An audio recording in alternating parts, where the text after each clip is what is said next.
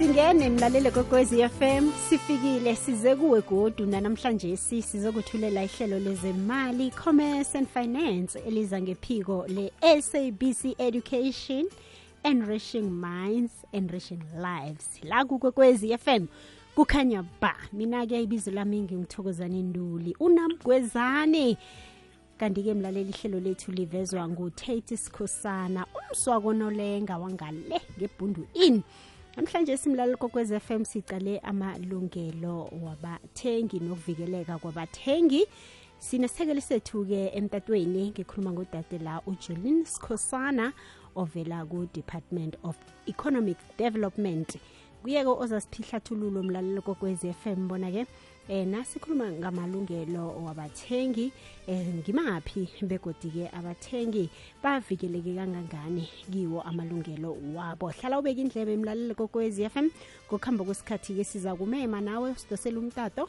Enomborweni ethi 086 112 0457 ngiyayibuyelela ithi 086 112 0457 kanti-ke ye-whatsapp ithi 079 413 2172 sesijolini ngiyakwamukela ngiyakulotshisa kukwekwezi FM ngiyanilotshisa nami berhatshi ngilotshisa kanye nabalaleli bekwekwezi.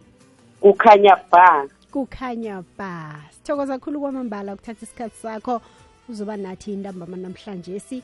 La sijeje khona isihloko esicakathekileko sikhuluma lapha-ke um ngokuvikeleka kwabathengi namalungelo wabathengi.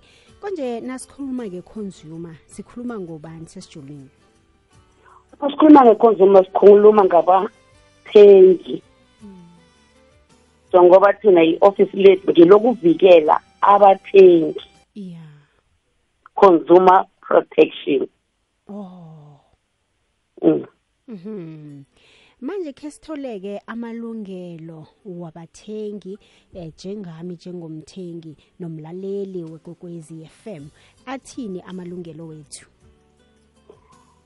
Eh singabathengi sinamalungelo athize asenza ukuthi kube lula uma sithenga eh saziwe lapha sithenga khona ukuthi sibaluleke kangangani.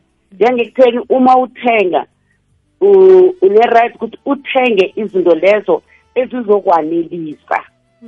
Eh kanti uma uthenga kumele uthenge lapho kuphephe khona. Lapho kunye amele ukuthi la uthenga khona uthenge ngokucindezelwa ngomunye umuntu. Elinye futhi ilungelo eliqathakeke khulu ngileli lokuthi uma uthenga kumele umthengisi akuzwe ukuthi ufuna ini. Angathengi akuthengisele into leyo wena ongayifuniko. Izwi lakho kumele lizwakale. Uma into ungayifuni akufuzanga ukuthi bakunikeze yona. Lento oyifunako yileyo kumele bakunikeze yona. Ngokwanela kwemali lakho leyo wena ofuna ukuyiberegisa. Manje ke sesijolini kuyenzeka ke bona ke eh bawaphule amalungelo wakho.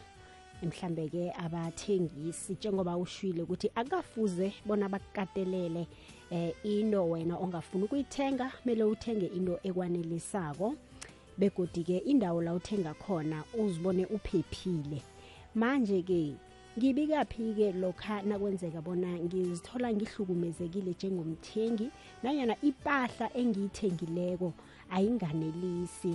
Phukile ngithenga amasofa nangifika lapha anembobo enye engaka. Ngibika kuphi? Kokuthoma mhathi uma uthola ukuthi izinto abakuthengisele zona azikwanelisi unayo iradio yokuthi uzibuyisele.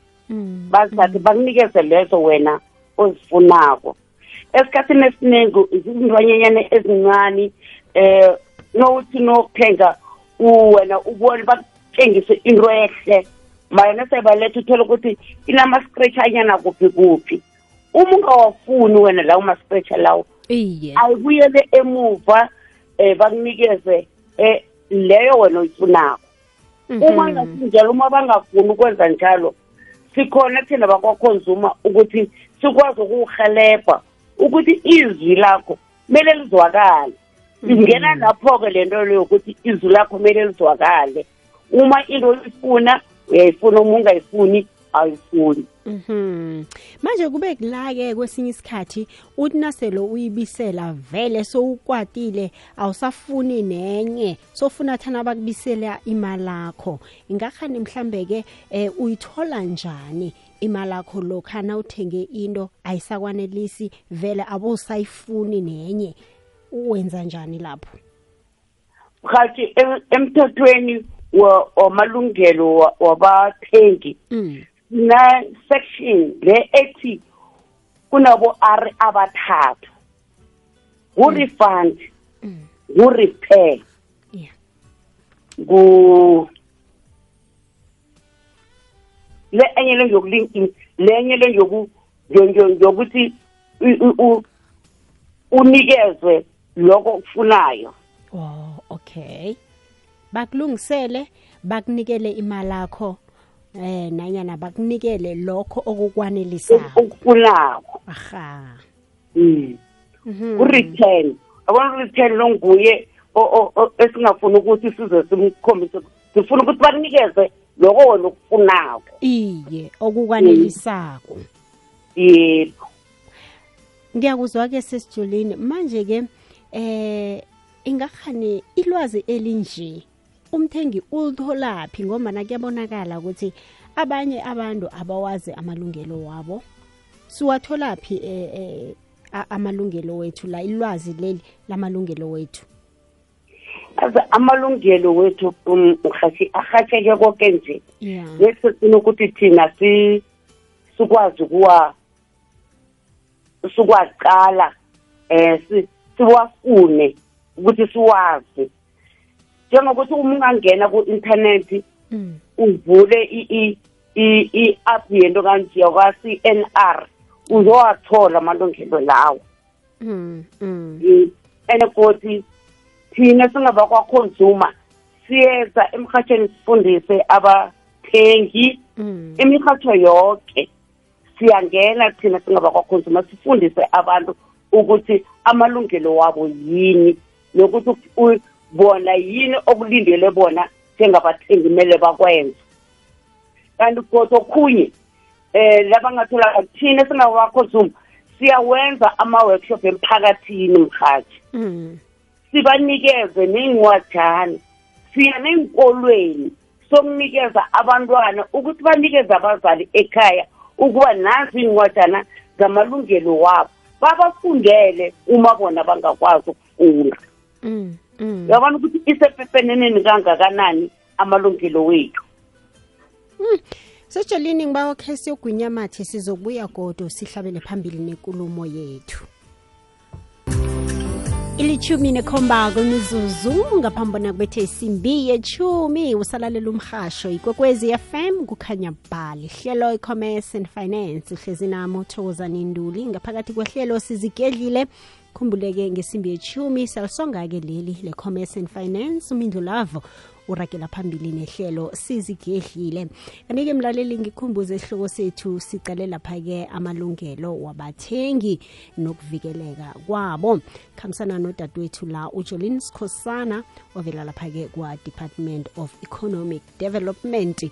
Kuye osipha ihlathululo mayelana nesihloko sethu sanamhlanje si ngiyayivula-ke njenganje imtato umlaleli kokwezi FM thoma-ke usidosele ku-086 112 0459 inomoro yethu yomtato leyo. Kanti-ke iwhatsapp ithi 079 413 2172 nangenzeka ukuthi ukhe wahlangabezana nomraro eh, njengomthengi ezange waneliseke ngempahla oyithengileko. Ngaba mhlambe ikoloyi kungaba mhlambe kukudla um nanyana yini okay wathi uyoyithenga wazibona ungakaneliseki mhlambe ufuna ilwazi um ngokuthize njengomthengi nakhona ungabuza mlalele kokwezi FM ikhona ipendulo sesijulini unayo hlala-ke nje wena ubeke indlebe. Sesijulini thokoza khulu kumambala ukusibambela. Akhe sitshetshe-ke ngelungelo lomthengi naziza lapha-ke kuma-services. Ngiliphi ilungelo analo umthengi? Ekhe sithi mhlambe kungenzeka ukuthi ekhaya bekulungiswa indlu eh mhlambe ke kufakwa impata ngikhuluma lapha ke ngeplumbing. Eh kwenzeka iphoso lapha ke siyazi kuba namanzi achisako namakhaza lapho.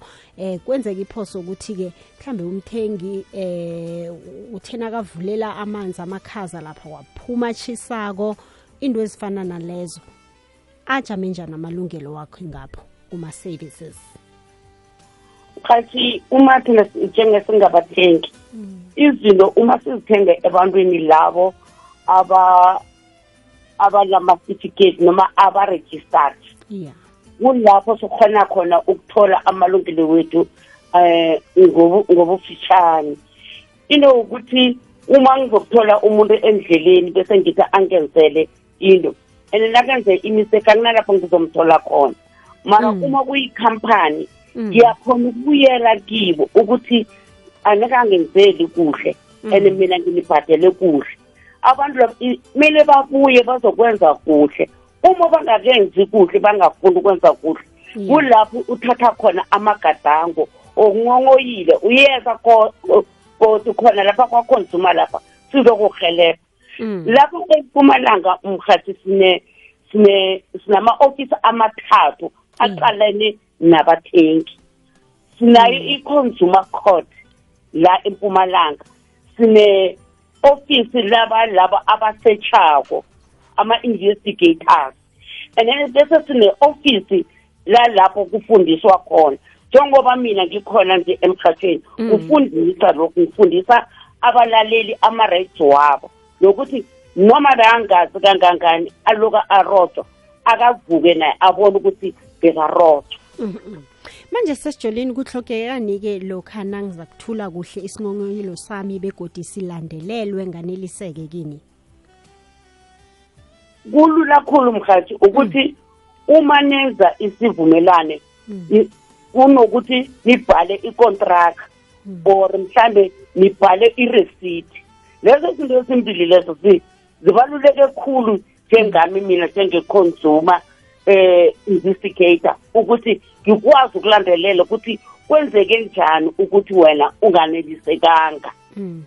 Mara uma ungakaphathi into ezimbili lezi kuba budisi kimi ngoba ngizokuthi ngiya emntwini lo umuntu la akuphike and uma kuphika vele anginayo into yokuthi awa muntu nakho lapha wena nivumelene khona nalo muntu.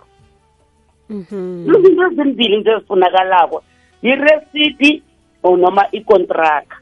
Ukuze sikwazi ukukuhelebha yazwakala sesijoleni manje i-competition commission imvikela njani umthengi enaziza-ke ekhushulweni kwentengo?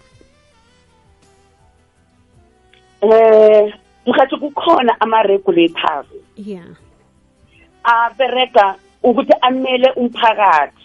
Mm. kuzo zonke izinto imphetho ezithathwako or umthetho owenziwako. Wona bajama nomphakathi bajama nomthengi. Ngakho noma ngaba igezi ikhona inersa ikho iyangena entokanzini egezini. Ekutheni igezi ayikwazi ukukhuphukisa toti kufike la or igezi okay ingakhuphukisa toti la. Kilezo zinto lezo lapho thina sibhenefitha khona ngala ma-regulators. Awela kiwo lo mkhakha lo we-competition commissioner. Mm.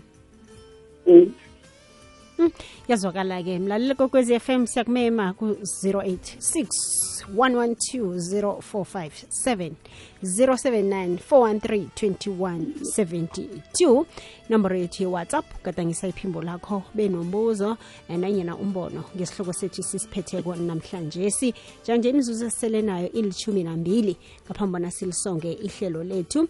Ukhumbuleke mlali kokwezi FM ngemva kwalo umindlo love ukhona naye uragela phambili nehlelo sizigedlile. Sesijolini akhe sicaleke ukuthi ngikuphi umthengi ekufanele akwazi khulukhulu ngamalungelo wakhe la? Umthengi kufuze ukuthi azi ukuthi nakayokuthenga eh athenge into leyo ezomhelebha ngendlini. And enye into kumele ayiqaphelise khulu kilokhu njengezinto lezi zogesi aqala ukuthi izinto lezo zisesimeni esiright na? Ngoba kungenzeka ukuthi uthenge into kanti into leyo yokufaka uphilo bakho engozini. Uthi uyayisebenzisa bese utholakala ukuthi mhlawumbe ichoga wena or ivuthisa indlu wakho. Into lezo kumele uziqalisise khulu. Into yokuthoma ongayenza ukuthi uma uthenga yenza ukuthi esitolo lapho into leyo bayitheste ukuthi iyabereka na and ibereka kuhle na? Ay- ayiwisi amaplaka wesitolo na. Uma ungatholakala ukuthi ine-fault akufuzanga vele uyithathe sakusuka ekuthomeni bakunikeze e-right. Kungenzeka ukuthi mhlambe ke bangakwenzi lokho wena ukuhambe ufike ekhaya. Yazi ukuthi ilungelo lakho lokuthi nokuthi uyayiberegisa into leyo yangabereki kuhle uyibuyisele. Uyakhetha okutheni bakunikeze enye ebereka kuhle noma uyakhetha ukuthi wena leyo awusayifuni mhlawumbe sofuna okunye noma awusafuni next abakunikeze imali akho kila amalungelo kumele waqale khulu. Enye into kodwa ukuthi umthengisi Mm. ukhuluma nawe njani? Kunalento lokuthi mhlambe uma ungena ngesitolo njengoba wena mhlambe ubonakala kwangathi awunamali eningi Mm. kungene umuntu isiqumama singene wena sowungenile and bakuhelebha Hey. bathi gamagama bese bayekisa baphula ilungelo lakho ungavuni Mm. ungavo into sokuthi uma bangakuzwa ukuthi uthini uze thina sizokujama nawe baphule ilungelo lakho lobuntu bakho Mm. Mm. Manje ke sesijolini e- ehlangothini lokudla okuthengiswako kuphekelwe futhi njalo njalo. Nangenzeka mhlambe ngithengile ukudla kodwa nakhenge kungiphathe kuhle ukudlokhu. Yazi ngahlangahlangana sesijolini ngabathe bathengisela amanzi ukudla kwangihlangahlanganisa ngisize kanjani? Lapha nina ngithi ngiyaqala vele ngiyazi ukuthi ngithenga ukudla lokhyala kulesa sitolo lesa. Sese ngiberegwa yindeni lapha heyi ngiyayibona into leyo mhathi cha eh, mm, nami ngike ngakuthenga okunye ukudla. Kanti ukudla lokho ngokwayizolo. And mina kudla ukudla uleleko Mm, mm. Indeni yathi azange kwangiphatha kuhle. Ngakuyena ngabatshela ukuthi ukudla kwenu lokhaya ya mina kokangiphathi kuhle. Mm. mara nokho bona baba nobuntu kodwa hayi ukudla lokhaya ingakho besitshiphisele bekungokwayizolo. Kanti mara sayithenisa ukuthi ngokwayizolo nina. Mm, sebahlisa intengo kuphela iye. Eh. Wah. bathi ngakusifuzile mara besokutshela ukuthi awa ngo- ngokwayizolo lokhu eh, ungalindela mhlawumbe okutsha manje singongoyile kubani sinjalo-ke umuntu uyasiletha kini-ke? Kathi buyisani imali lami banginikeza noko wow okay. Ya banginikeza im- imali yami ngoba ngibakhombisa vele into akhona nokudla okusele kokwabo nakho Mm, mm. ukuthi awangithenge lapha kibo vele neresida laba iye. Sejolini simeme umlalelikazi naye ukuthi azibandakanye ekulumeni yethu njenganje siba ukuzwa bona uthini singajabula khulu. Mm. ahake kuwhatsapp.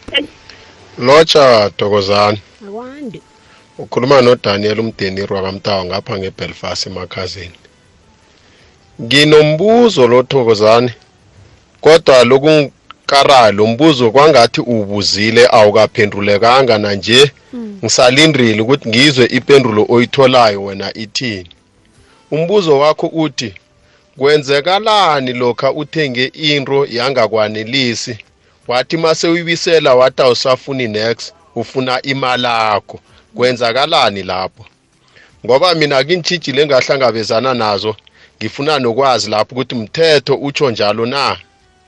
Kuthiwa uma uthenge into wayithenga cash eh mase uyoyibisela emuva uthi ufuna i-refund ufuna imali yakho treg kuno-10% ongasawutholi wona abawudosayo bona njengabo somabhizinisi so ngiba ukubuza ukuthi lokho kusemthethweni na? Okanye ku kudlelezela kwakho na? Bakudima amalungelo wakho ongumthengi na? Kuthiwa kuno 10% othathwayo kule mali osoyibhadalile bakubisele le enye. Ngifuna ukuthi ningihlathulule net khona lapho. Ngiyathokoza. Ngudaniel mdawu ngapha ngebelfast emakhazini ngesembere thank daniel siyathokoza i-whatsapp voice note yakho. Sesijolini mphendule. Mkhathi bengizamile ukumphendula kamhlawumbe azange akhangizwe kuhle. Mm, unayi-right into leyo ukuthi uyibuyisele and then usho ukuthi wena ufuna imali yakho na ufuna imali yakho kumele bakunikeze imali yakho uma ufuna mhlawumbe ukuthi bokulungisela yona kumele bokulungisela yona. Kukhethe wena ukuthi ufuna ukuthi benzeni njengaye so yena u- Mm. ukhuluma ukuthi wayefuna imali yakhe and then bathi imali yakhe bazoyidosa i-ten percent. Mm, uma sithenga mhathi kune e-receipt ngemuva lapha Yeah. kuba nento ezabazibhala bathi term and, and conditions. Iye. Indozo kumele uzifunde ukuthi bona kibo benza njani. Mara thina ngapha ngakwaconsumer sayibulala indaba leyo yokuthi uma into mhlambe u- uyibuyisele ngesikhathi and then then bese badosa i-ten percent. Kungadoswa i-ten percent uma mhlambe kudlule isikhathi. Leso bona bebasibekile ukuthi into leyo ungayibuyisi then mhlambe kungilapho bangadosa khona i-ten percent leyo. Manje sesijolini ngombana ama-terms and conditions la siwathola ngemva kokuthi sithole islip. Sowuthengile.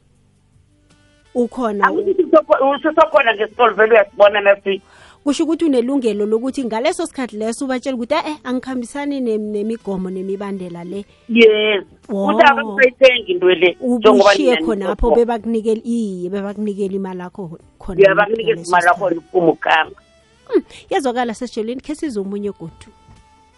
Hake nangu. Lotsha mhathi eh ukhuluma nojimo kwamashaba endaweni yaseClarinet extension 3 mm. eWitbank. Eh uqinisile usisi lapho ovela kwaconsumer. Eh ama rights wakho njengomthengi ufuna uwazi eh mina ngiyawalwela ama rights wami. Ene uwabona phi ama rights wakho? Ufuna mawuqeda ukuthenga into ungasheshi eh uhlale naye isikhathi eside let's say ukuthi bakudelivele bese after 5 days or ilanga awu-10 amalanga awu-10 sengikhani ubona i-mistake. Funa uyibone before 24 hours. Uyibone le nto ukuthi no lena engiyicelile ayisiso. Noma ngithenge ikhala ebrown bona banginika i-white. Usheshe uyilwele le nto yakho bakwazi ukukunikeza ukukunikeza oyifunile. Mina ngayilwela kwenye bangideliver- bangidilivela yona i-room divider. Angeke ngisho ukuthi yiphi? Ngathola ukuthi bangidil- le bangidilivela yona kanti ikhona la iphuke khona esayidini. Luckily nga-check-a uma badeliver ngayibona ukuthi iphukile ngathi angiyifuni le le njika nayo wathi lo muntu abamthumile wathi hayi mina ngiyadeliver kuphela. Ngathi hayi le angeke uyideliver wathi mina hayi phela mina ihola imali yami ngiyihola ngokudeliver ngathi angeke uyideliver jika nayo wajika nayo ba- ba- babuka kosa ukuthi bangifonele bathi hey sibona ujikisile la inini. Ngathi ah, unilethe wrong ilimele leyo alethane right. Mara enye into caphelani kulabantu bangaphandle abavela ngaphandle. Eh le mihlobo eminye yangaphandle angeke ijiki ayivumi ukujikisa. So uthatha i-risk ma uthanga kibo funa uyenze sure ukuthi ulwa ngempela ngoba uyi-south african wena uyawazi amalungelo wakho. Lwelani amalungelo wenu bas- ba- ba- bantu base-south africa nizowathola. Njengoba usesakhuluma wa-consumer council mina ngiyayilwela yami into awuthathi into kajim mashaba bese you you get away with it. Angeke ngiyala. Jim mashaba danko. Esanibani kwekwezini. Eh TK uRaymond la eMamelodi bengisacela ukubuza ukuthi ilungelo lethu thina bathengi. Like njengokuthi anye ngikhuluma igama lesitolo ne? Mar sitolo sokudla esikhulu esazekako mawuceda ukuthenga. Mawuthi uyaphuma emnyango bakufuna isiliphi and ubhadelile and then uthi uyabheka babhalanga lapha emnyango ukuthi mhlambe mawuphuma zizodinga ukuthi ukhiphe isiliphi. Then uthi uyabheka le sitolo lesi senza lezi zinto zizi- zenza lezi zinto la emalokishini but nawuya kwamanye ama-branch la sithenga khona nama nabanye imihlobo amakula amabelungu islip abasifuni. So bengifuna ukwazi lapho ukuthi ilungelo lethu lokuthi basifune islip emnyango likangakanani. Ngiyabonga. Alright siyamthokoza uraymond. Eh, raymond nokho-ke asilibizi-ke leli igama eh lokuthi-ke makula. Awa eh sithi-ke bathengi khe ngithi-ke sithi ba- ba- abantu abavela ngaphandle. Kwezinye inarha. Silungisile lapho ngiyathokoza. Siwuzwile-ke nombuzo wakho sizowuphendula umbono kajimi nanyana igalelo lakhe ujimmy mashaba nalo silizwile eh ungathini-ke sesijolini? Eyi ngiyathokoza ukuthi kube khona umuntu ofana nojimmy mahlaba owa- owazi kwamalungelo wakhe. Kwangathi singawazi thina soke sikwazi ukuphumelela. Sikwazi ukuthi baze abathengisi ukuthi siyawazi ama-rights wethu Mm. ngokuba bathatha esikhathini esiningi bathatha ama-chance ukuthi bakubone ukuthi wena awazi ama-rights wakho Hey. and then bese bayakurobha Yabona? Ibuhlungu-ke and then into kanti leyo. uma uwazi Mm. nje i- into elula nje esiyo nje ukuthi mina ngiyawazi ama-rights wami noma u- u- ukhuluma nge-act number six yaka-nineteen ninety-eight ne unfair business practices kwakuzwa masinyana balungisa masinyana into yakho ungakafiki nakwakhonzulu uthi act act number 6 ithini eh sesijolini is act number six yeah. of nineteen ninety-eight. Yeah. Yeah. Consumer affairs ne? Mm mm. Mm. I- i- is against unfair business practices. Ya manje ubuzile kuRaymond la indaba nasi yokuthi nasiphuma kwentolweni zemakhaya entolweni ezikulu kufuneka islip kodwana ke intolo ezisedrobheni uyathenga uphume uzikhambele. Ngeze wabona isecurity lifunana neslip lapha ke emnyango. Eyi mkhathi mina nge- leyo angathi angizoyikhuluma khulu. Mm. into mara engiyazi ukuthi nokuphumako esitolo kumele uphume nereceipt ireceipt le isho ukuthi i- i- i- i- i- ilungelo lokuthi uma wena ungathola kunokhunye oku-wrong ungabuyela ngayo ireceipt manje indaba ukuthi kufanele bayibone lapha emnyango njengomthengi unalilungelo lokuthi nasi islip sami ngisiphethe kulungile ngiyaphuma ningasolo nisiphatha nenza nithini eyi abantu ndoda ngekho waba- wabajamela kanjalo. Ngoba vanekhe sibone babamba abantu babakhipha iimpahlakazi ezinengi mhlawumbe yingakho bafuna isilipu nje. Angekhe ngayingena khulu yangiyazi. Angiyazi. okay sesijulini awa Eh. nokho. Uzwakele siyathokoza-ke. Amezwi wakho wokugqina bese siyayivala.